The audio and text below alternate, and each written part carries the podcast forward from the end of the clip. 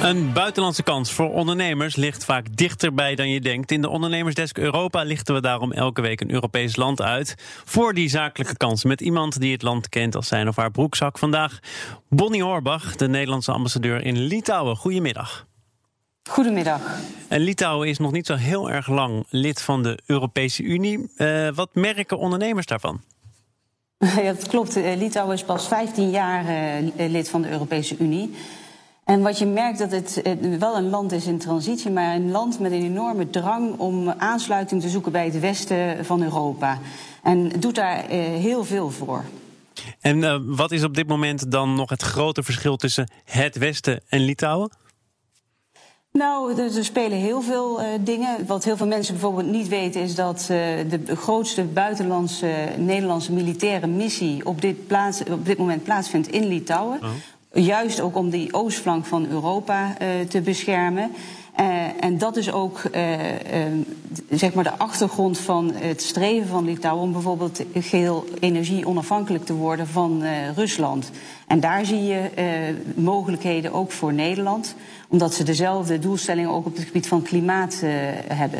Het lijkt me wel een spannende positie. Er is natuurlijk ook al veel gezegd over die bijna uitbreidingspolitiek van de EU om een soort bufferzone richting Rusland uh, op te werpen. Daar maakt Litouwen dus onderdeel van uit.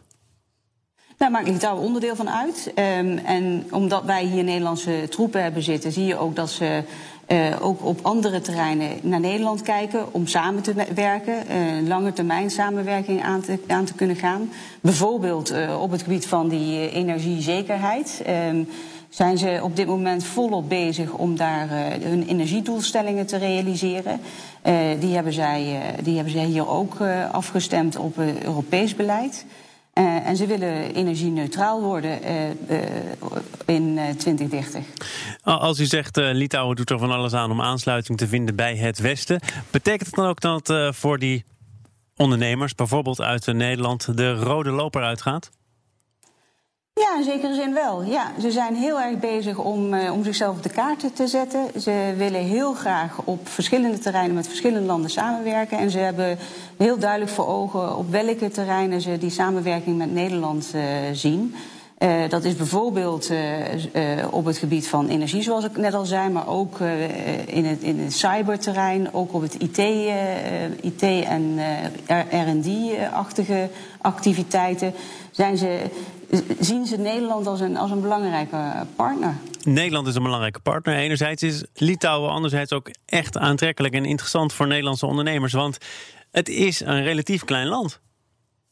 Het is een heel klein land en je moet dus ook realistisch zijn. Uh, Litouwen is niet te vergelijken met een Duitsland of een Frankrijk of een uh, Verenigd Koninkrijk. Uh, het is een land met 2,8 miljoen inwoners. maar er zijn bepaalde niches waar je ziet dat Nederland wel degelijk belangrijke kansen heeft als ze die goed benutten. We zijn bijvoorbeeld al een hele poos bezig op het gebied van windenergie. Daar zijn we in 2017 al begonnen om de eerste potentiële kansen in Nederland te laten zien. Vervolgens is tijdens het staatsbezoek in juni 2018 is er een missie geweest. En we zien nu dat die contacten heel goed zijn, heel hecht zijn. En uiteindelijk gaat het bij het zaken doen altijd om vertrouwen en gunnen. Dus je zult dat ook langere termijn moeten volhouden. En of daar dan uiteindelijk een uh, contract uit voortvloeit, dat weet ik op dit moment nog niet. Maar ik zie wel dat Nederlandse en, en Litouwse stakeholders naar elkaar toe groeien. Uh, en elkaar weten te vinden. En wij spelen daar een, uh, ja, een, een, kleine rol in. Wij zijn de olie in de machine. Ik probeer momenten te creëren waarop die partijen elkaar kunnen zien, waarop ze met elkaar kunnen praten. Ik probeer wederzijds uh, de vertaalslag te maken van wat bedoelt Litouwen nou met dat? Of wat bedoelen wij daar nou waar mee zou als dan? Waar zou dan de miscommunicatie vooral een rol kunnen gaan spelen? Op welke manieren merkt u dat niet alle partijen altijd op dezelfde golflengte zitten?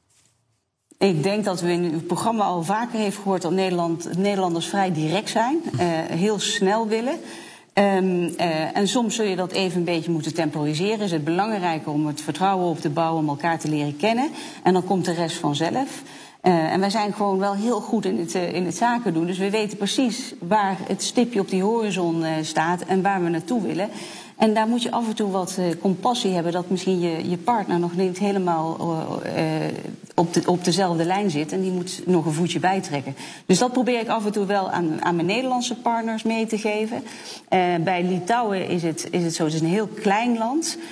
dus ze, ze acteren vaak op, op verschillende niveaus tegelijkertijd. dus zowel strategisch als tactisch.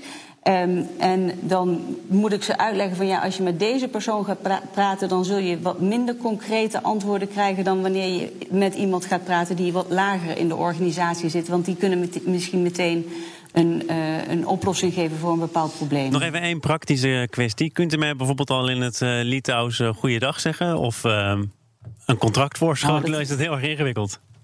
Nou, Litouws is niet te verstaan. Ik kan net uh, uh, goeiedag zeggen, dat is Labasdiena. Dank u wel. Uh, maar het is echt een hele, een hele andere taal. Dat had ik, had ik niet verwacht. Ze hebben ook een ander schrift.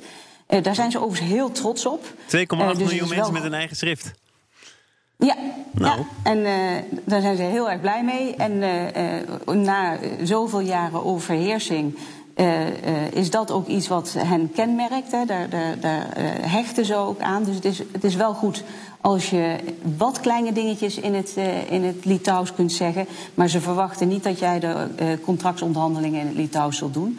De bevolking is, is eigenlijk heel goed in staat om in het Engels te communiceren. Um, en je merkt dat met name de jonge bevolking heel snel gaat. Ik ben blij dat u voor dit gesprek gewoon weer voor het Nederlands koos. Bonnie Horbach, de Nederlandse ambassadeur in Litouwen. Dank u wel. BNR Zaken doen wordt mede mogelijk gemaakt door Schneider Electric. Schneider Electric. Onmisbare technologie voor een groene toekomst.